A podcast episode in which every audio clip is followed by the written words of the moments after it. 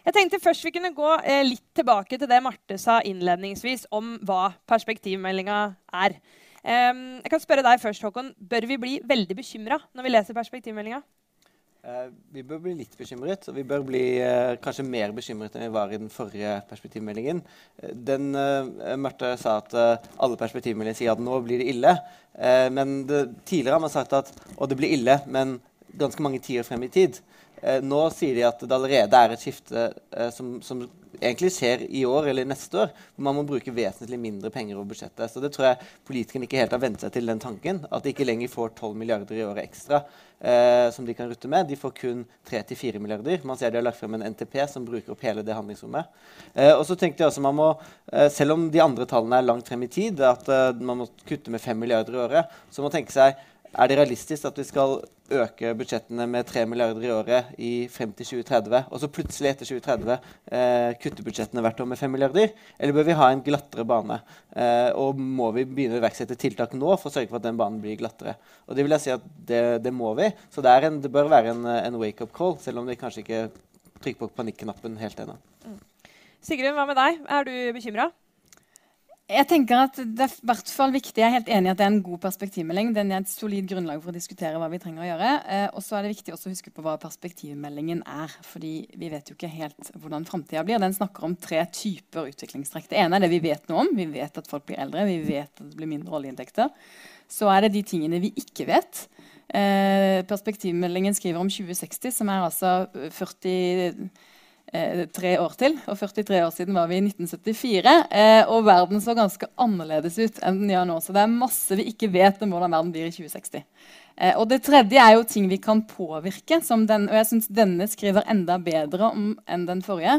Altså hva skjer, hva er ulike utfall hvis vi gjør sånn, og hvis vi får til dette, og hvis vi får flere jobb, og hvis vi eh, blir smartere i hvordan vi leverer velferd. Så det tror jeg er viktig å lese perspektivmeldingen ikke som hvordan det kommer til å bli, verken neste år eller i 2060, men å lese perspektivmeldingen som hva er sikkert, hva er usikkert, og er det, hvor er det behov for politikk.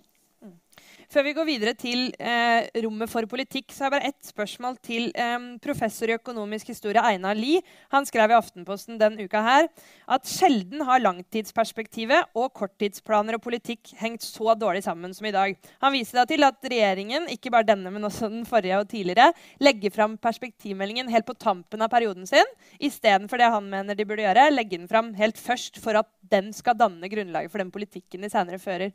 Ødelegger det litt for muligheten muligheten vår til å løse de utfordringene perspektivmeldingen skisserer? Øystein?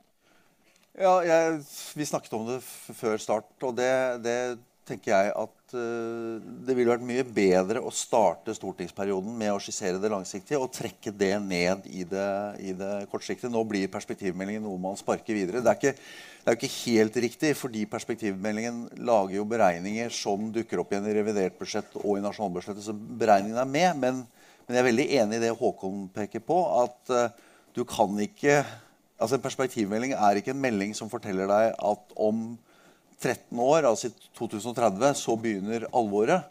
Og så skal du vente til 2030 før du begynner å gjøre noe med det. Fremtiden begynner nå med, med, en, med en, klisjé. Så det er nå man må begynne å, å sørge for at man unngår de, eller at de innstramningene man står overfor fra 2030 og utover, blir minst mulig. Da kan vi jo snakke litt mer om eh, nettopp det man skal gjøre for å sørge for det. Hva er det som er viktigst for framtidas budsjettbalanse? Er det å øke inntektene eller redusere utgiftene? Hvor begynner vi? Kan jeg spørre deg, Roger? Altså, vi må nok gjøre begge deler. Eh, det er som eh, regjeringen sier, at vi må holde høy sysselsetting. Det er det hele norske velferdssamfunnet er tuftet på. er At alle er i jobb. Alle som kan være i jobb, er i jobb. Eh, men det er klart vi må jo også tenke på utgiftene og bruke de fornuftigst eh, mulig.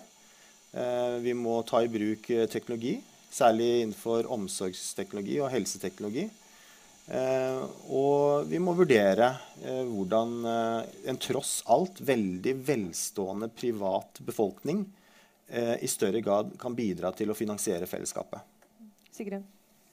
Eh, ja, jeg tror også begge deler. Men jeg har lyst til å si litt om altså, det arbeidstilbudet som, som eh, begge viste til. Som eh, hvem er det som står utenfor arbeidslivet, og hvem er det vi må få inn? Eh, og Av og til så hører man sånn at vi blir så rike, og da har vi ikke lyst til å jobbe mer. og vi kommer til å bare jobbe mindre Og mindre. Og det er ikke et helt riktig bilde. fordi eh, arbeidsdeltakelsen økte jo fenomenalt på 70-tallet, da likestillingen ble styrket og kvinner kom inn i arbeidslivet. Og så har den nedgangen eh, vi ser nå, veldig mye å gjøre med ufrivillig deltid. Den har veldig mye å gjøre med unge mennesker som ikke får fullført videregående opplæring og ikke får seg en jobb. Og den har veldig mye med sykemeldinger og eh, fysiske plager som er knyttet til vanskelige arbeidsforhold. Eh, så det er jo ikke de rikeste eh, som ikke jobber. Eh, det er økt ulikhet og økt utenforskap som har gjort at vi er i en situasjon der vi trenger å få mange mange flere inn i arbeidslivet. Så det tror jeg vi skal ta med oss. Vi, må, vi, er nødt til å gjøre noen investeringer for å løfte noen inn i arbeidslivet. Og det handler om noen grupper som har falt utenfor.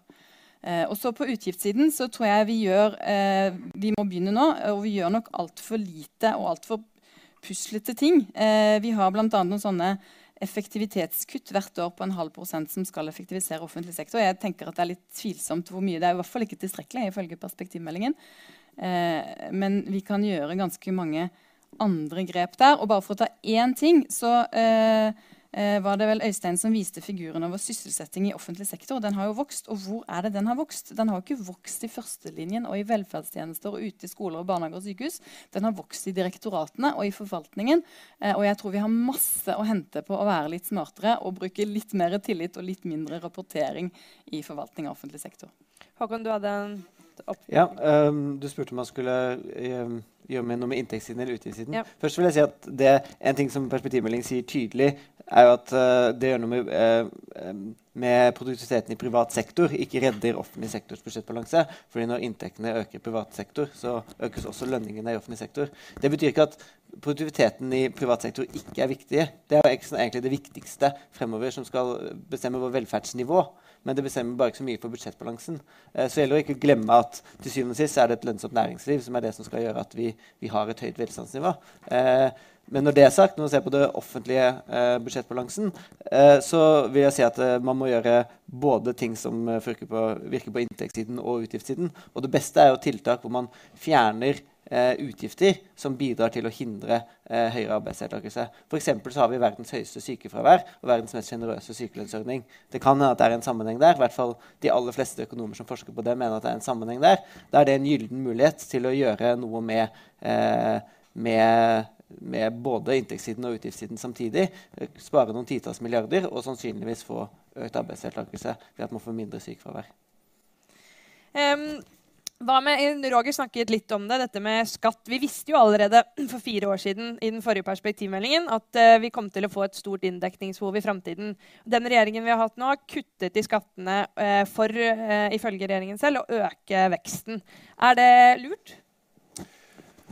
Ja, dette, dette, er jo et, et krevende, krevende, tema. for jeg tror liksom, hvis man, nei, hvis man, ser på eh, de endringene i skatter som vi nå diskuterer altså type, Noen har kuttet med 21, noen andre skal øke dem igjen med, med 15. og Så prøver vi å se det i prosent av den samlede verdiskapingen i Norge.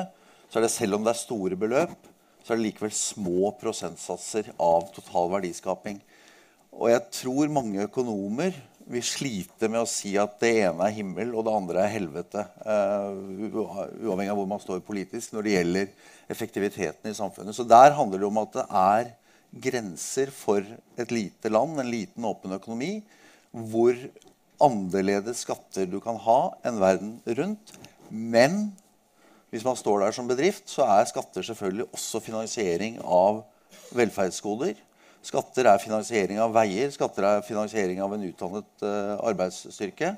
Så du kan ikke si enten-eller på, på, de tingene. Og jeg synes ikke sant, Til diskusjonen utgiftsside inntektsside altså Begge deler er viktig. Du bør ha skatter som i minst mulig grad påvirker uh, eller vrir, eh, vrir, etterspørsel og produksjon. Du bør ha likebehandling av formuesobjekter. At man ikke har høy skattlegging, skattlegging av maskiner og lav skattlegging av hytter og, og boliger f.eks. Og på, på utgiftssiden så er det åpenbart at du må ha du må også i offentlig sektor forsøke å få mest mulig ut av de ressursene du dytter inn. Og jeg er helt enig med deg også, Håkon, at selv om da høy produktivitetsvekst ikke nødvendigvis bedrer budsjettbalansen, så er høy produktivitetsvekst det gir velferd. Altså det gir høyere, høyere eh, velstand. Og, og hoved, det tror jeg vi alle er enige om. Hovedpoenget her må være at du klarer å få flest mulig ut i inntektsgivende eh, arbeid. Eh, og dilemmaet vårt, som, eh, som Roger var innom, er jo at i Norge så har vi et høyt lønnsnivå fordi vi har et høyt produktivitetsnivå. Og skal vi få folk inn i det arbeidsmarkedet, så er det med folk med lav produktivitet inn i det arbeidsmarkedet, så er det the good, the bad and the ugly. Og the good er å, er å tilføre kompetanse, enten på arbeidsplassen eller utdanningssystemet. The bad er midlertidig eller varig subsidiering. Og det ugly er jo å la arbeidsmarkedet fungere som et marked, slik det gjør i USA, og ta inn folk på det produktivitetsnivået de har. Og et sånt arbeidsmarked tror jeg ikke noen her ønsker. Roger, bare bitte litt tilbake til det med skatt. Øystein sa at det ikke fins Det er ikke så lett å si at det fins eh, en himmel eller et helvete når det gjelder skattenivå. Er det litt lettere for deg? Nei, det, jeg, jeg vil ikke bruke de uttrykkene. Men, eh, men det, det, er riktig, det. Produktivitetsvekst i privat sektor det finansierer ikke gapet i offentlig sektor. Men det gir veldig velstandsvekst i Norge. Og det, med den velstandsveksten så øker også etterspørselen etter de offentlige tjenestene. Og det er jo sånn at jo rikere vi blir, jo mer ønsker vi å vri forbruket vårt fra goder og produkter som vi kan kjøpe i private markeder, og over til offentlige goder. Altså Vi vil ha mer utdanning, vi vil ha mer helse, vi vil ha mer omsorg, vi vil ha bedre veier. Og dette er jo levert av det offentlige. Og sammen med en høy prioritetsvekst og høy velstandsvekst i privat sektor, så gir det jo rom for å finansiere denne økte etterspørselen etter de offentlige tjenestene.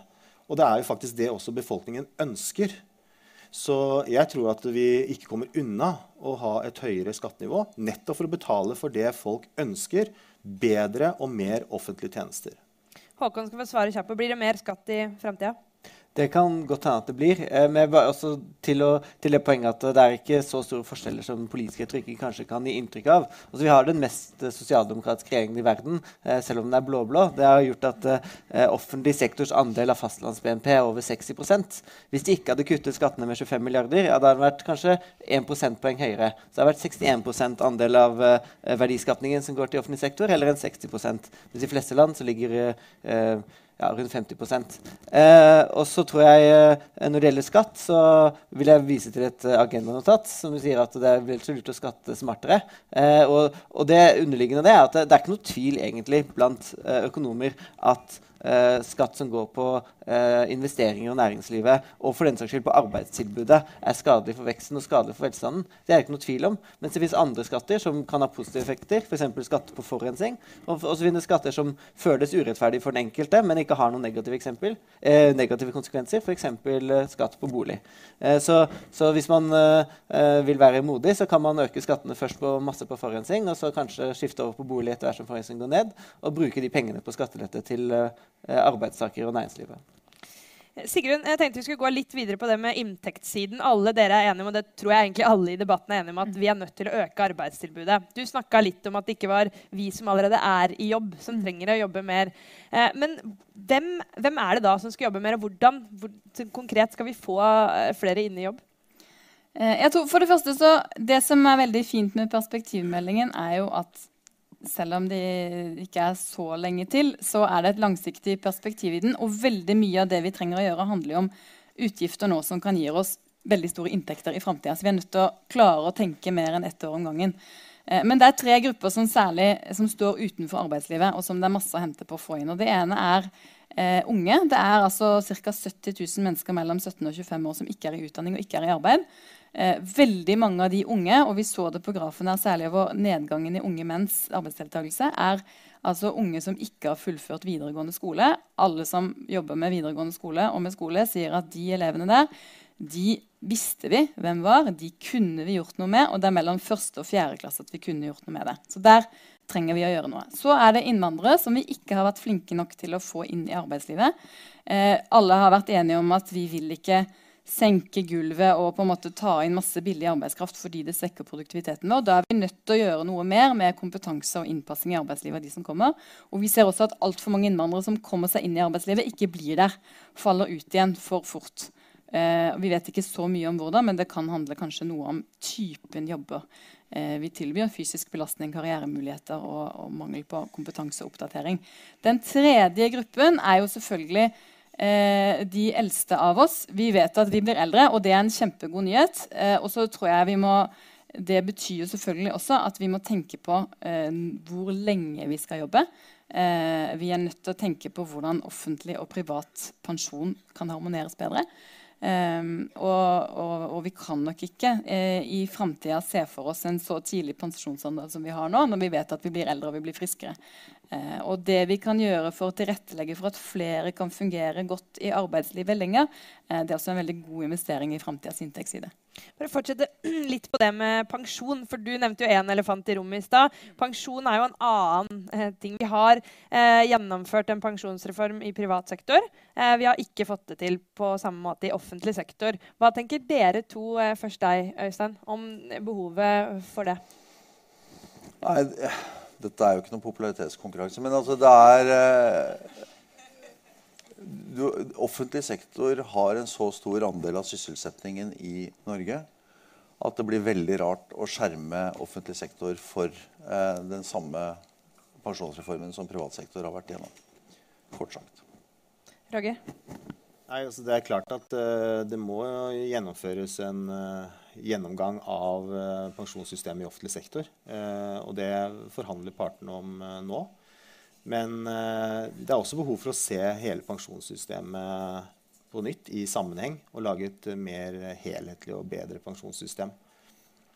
Håkon, hva tenker du om pensjon? Hvor viktig er det for å øke det helhetlige arbeidstilbudet? Eh, det er kjempeviktig. Altså, pensjonsreformen er noe av det viktigste bidragene vi har hatt de siste tiårene på å bedre bildet. Eh, og det viser jo pensjonsreformen, mener jeg litt er Man kan se hva som er suksessen med den. Først så Man tar et et system som er eh, komplisert, til dels urettferdig for enkelte grupper, og gir helt feil insentiver til å jobbe. Eh, og så eh, gjør man det både mer rettferdig mellom grupper, man bedrer insentiver til å jobbe, og man kutter i nivået på ytelsene gjennom eh, forskjellig bl.a.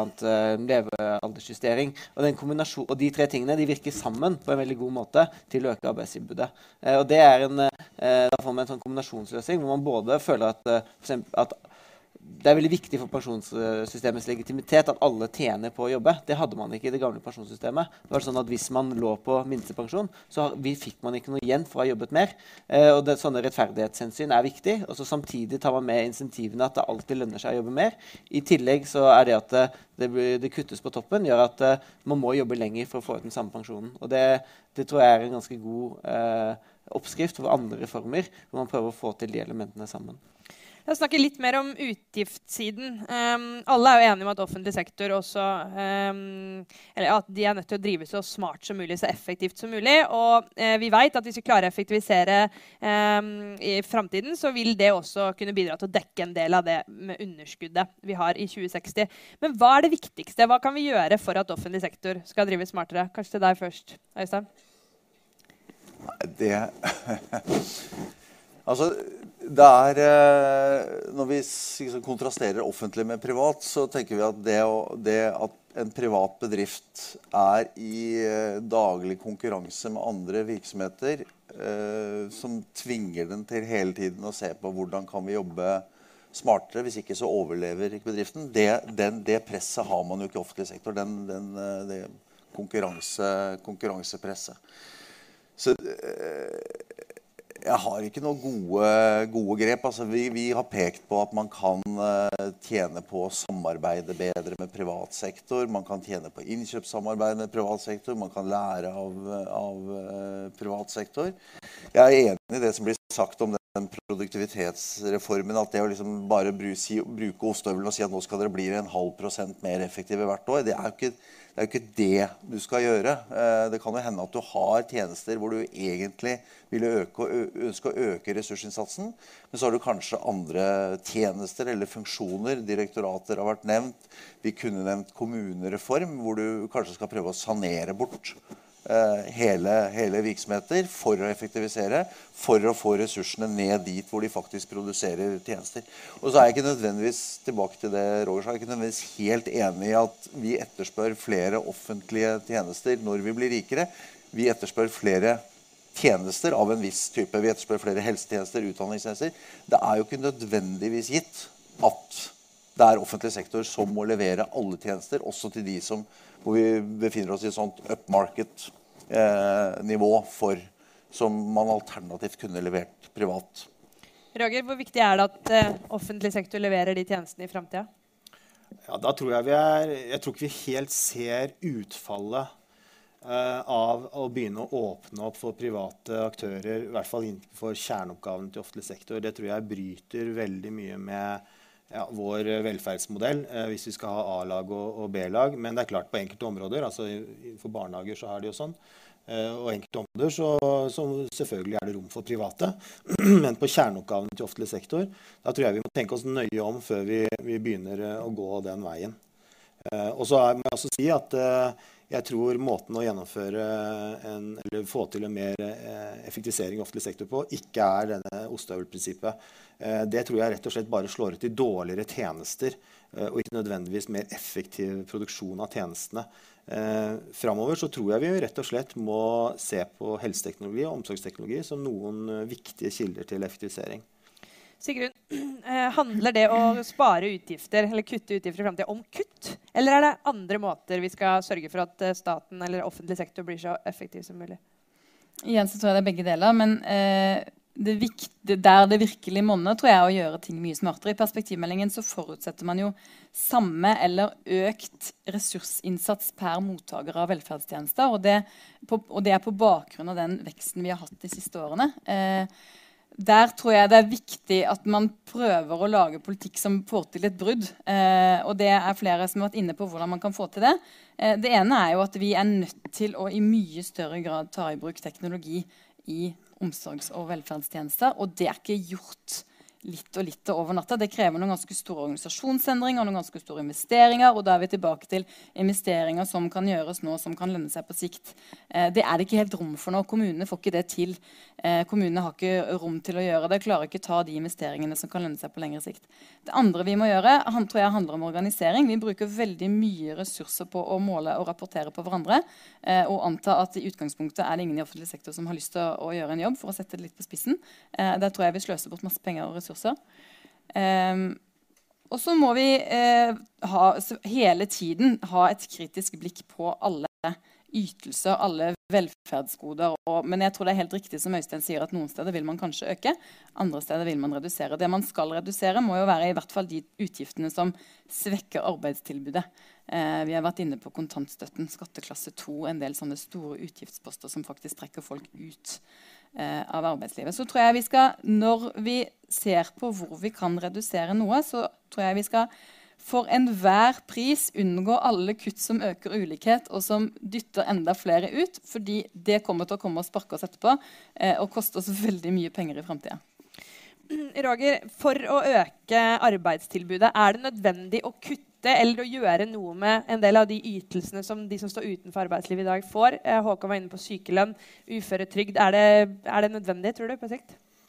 Altså, Arbeidslinja i de ytelsene de fungerer veldig sterkt. Og jeg tror også vi skal tenke på sykelønnsordningen som en eh, del av arbeidslinja. Det er faktisk en rettighet du bygger opp ved å være i jobb. Eh, og det fremmer inkluderende arbeidsliv. Så det er klart at kontantstøtte det er jo betaling for ikke å være i jobb. Eh, så det er jeg helt enig i eh, er et uting innenfor det norske velferdssystemet. Um, men, eh, men det, det, som er hovedproblemet, det er at det ikke skapes nok arbeidsplasser. Folk som er utenfor, de vil inn. De får ikke jobb av ulike grunner hos seg selv, men også grunner i arbeidsmarkedet. Og dette er jo bare grunn til å tro kommer til å bli forsterka gjennom globalisering, gjennom migrasjon, lavtlønnskonkurranse, men også den teknologiske utviklingen gjør at mange arbeidsplasser som, eh, er, eh, som det ikke kreves altfor mye kompetanse å stå i, vil bli borte. Det er ikke nok arbeidsplasser i Norge til de med lav kompetanse. Så dette, er, eh, dette skriker etter en kompetansereform. Kan du svare kort på det før Håkon?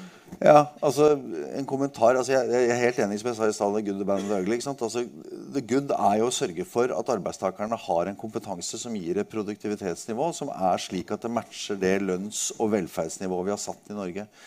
Hvis de ikke har det, og det gjelder mange, og mange av dem befinner seg i uføre, uførekøen altså Ingen skal komme og si at ikke mange av de uføre har betydelig restarbeidsevne og kunne vært i et arbeidsmarked ja, da er løsningen på en eller annen måte at du altså, som Frischsenteret har pekt på, at du ansetter dem i kommunene, du subsidierer dem inn i, inn i, arbeidsmarkedet. Og det er jo ikke, og Jeg kaller dette bad fordi det er ikke fullgode løsninger. Det er løsninger som skaper konkurransemessige problemer, hvor bedrifter kanskje vil foretrekke subsidiert arbeidskraft framfor annen arbeidskraft osv. Men, men, men, men det må vi også erkjenne, at selv om vi er aldri så flinke til å løfte kompetansen, så lenge vi forblir et rikt land, og det ønsker vi å, å, være. Og så lenge vi ønsker å ha den lønnsdannelsen vi har, og det ønsker vi med en sammenpresset uh, lønns, lønnsstruktur, ja, så står du igjen med mange arbeidstakere hvor vi står mellom valget Hvis vi utelukker det anglosaksiske alternativet, så står vi mellom valget å løfte og subsidiere dem inn, eller å trygde dem ut. Eh, Håkon, eh, dere har jo pekt på en del kutt som er mulig å gjøre. Du nevnte sykelønn. Kan godt svare litt på det Roger sa, Men er det andre grep for å gjøre offentlig sektor mer effektiv enn å kutte i eh, ytelser f.eks.?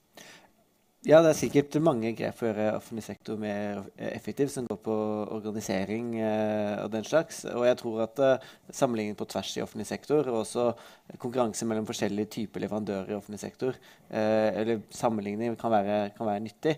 Eh, når det gjelder det med hvordan man skal få folk i arbeid, så eh, det er jo, Vi står overfor et genuint dilemma. fordi Der hvor insentivene til arbeid er eh, svake, er nederst på inntektsskalaen. For da har man eh, en, en minstenivå i ytelsene som gjør at man har en veldig høy kompensasjonsgrad. Eh, samtidig så er det jo der hvor det er minst etterspørsel etter eh, den type kompetanse.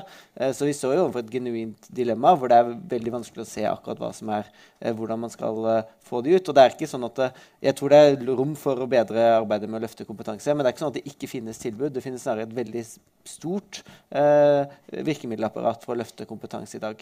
Eh, og vi kunne jo f.eks. gått i retningen som de gjorde i, i Tyskland under sosialdemokraten Gerhard Schröder med Agenda 2010. Det har jo på sett og vis virket veldig bra i å få økt arbeidsdeltakelse. Men det har jo også ført til at mange har jobber som de syns ikke er spesielt meningsfulle, og som gir dem ganske lav inntekt. Eh, og det er jo da et, uh, så De har på en måte klart å ivareta sitt system og gjøre sitt system mye mer bærekraftig, men det har også en, en kostnadsside. Hittil har vi kanskje vært forskånet for den type harde valg, men uh, jeg tror det er, uh, kan bli vanskeligere å, å, ignorere fremover. Sigrun, kort før vi går videre. Jeg har bare lyst til å, jeg, jeg, tror det går an å gjøre mye mer for å gjennom kompetansereform eller andre grep løfte flere inn, eh, som de forslagene fra Frischsenteret som Øystein peker på. Bare for å illustrere gevinsten av det, så er det altså sånn at vi har regnet på det. Hvis du eh, får bare 10% av de som nå står utenfor arbeidslivet, og som angivelig, og som antagelig har en restarbeidsevne, inn i arbeidsmarkedet, så er det altså 16 milliarder kroner ekstra på statsbudsjettet bare neste år. Eh, fordi vi sparer trygdeutgifter, og fordi de betaler skatt på en relativt lav inntekt. Eh, så det er utrolig mye gevinst å hente på, og det betyr at eh, også innenfor et stramt framtidig budsjett så er det rom for å bruke penger på å løfte flere inn. Gjerne bare, mm, Nå går vi mot uh, slutten. Gjerne løfte et tema til som vi i Tankesmien Agenda har vært opptatt av. Ulikhet. Og det uh, som Roger var inne på, det bruker også perspektivmeldingen ganske mye plass på å diskutere. De er også opptatt av at velstandsveksten i framtida kommer alle til gode. Gjerne spørre deg først, Håkon. I Norge har vi jo klart å ha høy vekst. Vi har hatt en uh, raus velferdsstat. og vi har hatt lav ulikhet. Blir det vanskeligere i framtiden når behovet for inntekter og økte inntekter og reduserte utgifter blir mer presserende? Først så tror jeg det er viktig å se hva er den grunnen til at vi er så ekstraordinære på uh, ulikhetssiden. Og jeg vil si at De to viktigste grunnene det er at vi har en at vi har en koordinert lønnsdannelse uh, som gjør at vi uh, får en lit, liten spredning i lønningene før skatt og overføringer. Det er kjempeviktig, og det er også mange andre fordeler. Da er det ting som kan sette det eh, under press, men jeg tror det er noe vi absolutt må bevare, også i en mer globalisert verden. Det andre er jo at vi har en eh, overføringer som er, eh, løfter inntekten i bunn veldig mye. Og begge de tingene er eh, svært positive og, og trekk vi må bevare ved, ved, eh, ved vår samfunnsmodell. Eh, de blir satt under press på forskjellige måter, men jeg tror ikke det er no, eh, noen som ønsker å fullt ut forlate det. Eh, og så lenge vi bevarer de, modell, de trekkene, så vil vi ha i internasjonal sammenheng veldig lav ulikhet. og så vil det kanskje være andre trekk som bidrar til høyere ulikhet. F.eks. så bidrar innvandring utvilsomt til økt ulikhet. Først og fremst fordi det kommer flere i bunnen av inntektsskalaen. og de er jo på en måte en, en utfordring som Jeg satt i Brochmann-utvalget, og da så vi en del på det. Det er en utfordring på, på dobbel måte. fordi både eh, øker ulikheten, og det setter både lønnsdannelse under press og det setter velferdssystemet under press. Det både øker ulikheten direkte og setter mekanismene som vi har som reduserer ulikheten, eh, også under press. Eh, og det er, noen, det er, ikke noen, sånn quick fix på det, men det å da f.eks. bedre introduksjonsprogrammet, jobbe med kompetanse, sørge for at man har eh, innsteg inn i arbeidsmarkedet for eh, de som kommer som flyktninger, er eh, veldig viktig. Roger, eh, I perspektivmeldinga trekkes nettopp høy organisasjonsgrad og viktigheten av partene i arbeidslivet fram som en av grunnene til at vi har lav ulikhet. Hva tenker du blir rollen til partene i arbeidslivet i tida framover for å sikre at vi fortsatt har lav ulikhet? Ja, så Alle trekker fram norske lønnsdannelsen og eh, partssamarbeidet som en av de viktigste forklaringene på lav ulikhet. Og eh, at man ønsker å bevare det. Men jeg tror vi er nødt til å flytte debatten fra disse mer festtalepregede eh, hyllestene til å faktisk se på hva som eh, bidrar til at lønnsdannelsen kan fungere på en sånn måte slik at uh, vi ikke svekker og ikke tar for gitt at denne lønnsdannelsen også vil kunne levere lav ulikhet framover. For det er en rekke press på lønnsdannelsen i, i Norge. Uh, innvandringen og lavtlønnspresset i enkelte bransjer utfordrer tariffavtalene og tariffdekningen i de bransjene. Og hele vår lønnsdannelse er tuftet på at tariffavtalene som skal bringe industrioppgjøret tilbake eller inn i de andre bransjene. Og hvis det ikke er tariffavtaler der å forhandle om, nettopp fordi at det ikke er nok medlemmer i fagforeningene, eller at det er for mange på midlertidige kontrakter, eller hva det måtte være, ja, da ryker hele koordineringen.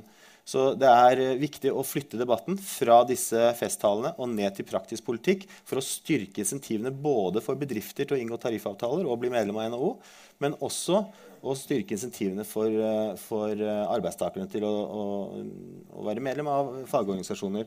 Og jeg vil bare peke på en ting, for jeg har tatt med en figur eh, til her som jeg ikke rakk å gjennom i stad. og Det er en feil som mange, mange har, har, tatt for gitt.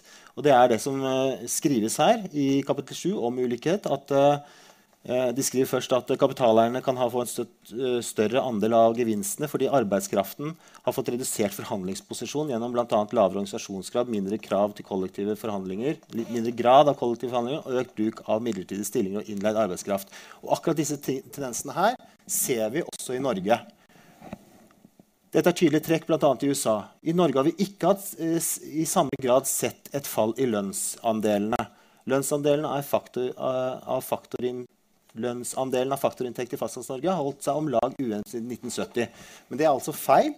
Eh, fordi man har unnlatt å trekke ut de selvstendig næringsdrivende ut av tallene. Så I Teknisk beregningsutvalgs rapport nå, som ble lagt fram i forrige uke, så har man faktisk eh, publisert korrigerte tall for lønnskostnadsandelene, som viser et gjennomgående fall, sånn som vi ser i figuren her, helt tilbake til slutten av 1970-tallet. Det er også sånn i Norge, som det er i USA, som det er i EU, at arbeidstakerne får en stadig mindre del av inntektene som skapes. Motstykket til den figuren er jo at kapitaleierne har fått uh, tilsvarende mer. Og det er i, til tross for at rentene i denne perioden har gått kraftig ned. Så avkastningen på kapital skulle jo egentlig ha gått ned, og isteden har det gått kraftig opp tror vi må, Nå er vi bitte litt på overtid, men Øystein og Sigrun skal få avslutte. Eh, klarer vi å se for oss et Norge i framtida med lav ulikhet, eh, høy vekst og en raus velferdsstat? Og hva er det da viktigste vi gjør i dag? Øystein? Eh, Marte startet med å si noe om at vi kommer til å få det bedre i framtiden enn vi har i dag. Det er, det er enig. Mest sannsynlig så får vi det bedre i framtiden. Og det gir også muligheter for å opprettholde de, eh, si, det, det gode velferdssamfunnet vi har. Så jeg er helt enig med Roger i at vi er tjent med å ha et organisert arbeidsliv og fortsatt samordnet lønnsdannelse. Det er en måte å holde forskjellene nede på. Eh, så er jeg også helt enig med, med, Håkon om at det er ikke noe quick fix når det gjelder innvandring. Men det er nettopp et kjerneargument for å for å holde innvandringen under kontroll, altså for ikke å ha for stor innvandring. Altså, dette går ikke på enkeltindivider, men det går på hvor mange fra eh, med lite utdanning og lav produktivitet. Og så til sist øh, altså, Små forskjeller er bra. Eh, og land som har store ulikheter, de underinvesterer i den viktigste kapitalen i samfunnet, nemlig humankapitalen. Så det er i vår økonomiske interesse også å holde forskjellene nede. Sigrun, høy vekst, en raus velferdsstat og lav ulikhet i framtida. Går det an? Det går an. Eh, det er to betinger to ting. Det ene er dette som Roger er inne på. altså at Vi må eh, sørge for at den norske modellen eh, fortsatt ikke er noe bare vi sier vi liker, men noe vi har. Eh, jeg tror den utfordringen vi ser der, kommer til å bli bare større med mer teknologi. altså At avkastningen på de som eier utstyr og kapital, kan bli høyere. Det skal vi passe på. Og så tror jeg vi skal, Hvis vi ikke skal få et enda dystrere budskap i neste perspektivmelding, så må vi passe på at ikke bunnen faller ut. Det tror jeg er den viktigste investeringen vi gjør. Eh, de lavest lønte, de utenfor arbeidsmarkedet og de som ikke kommer gjennom eh, systemet i den rause velferdsstaten vi har, eh, de kommer til å bli en stor kostnad hvis ikke vi investerer nok i de nå. Tusen takk skal dere ha, og tusen takk skal alle dere som har kommet ha for at dere kom. Og ha en fortsatt fin dag.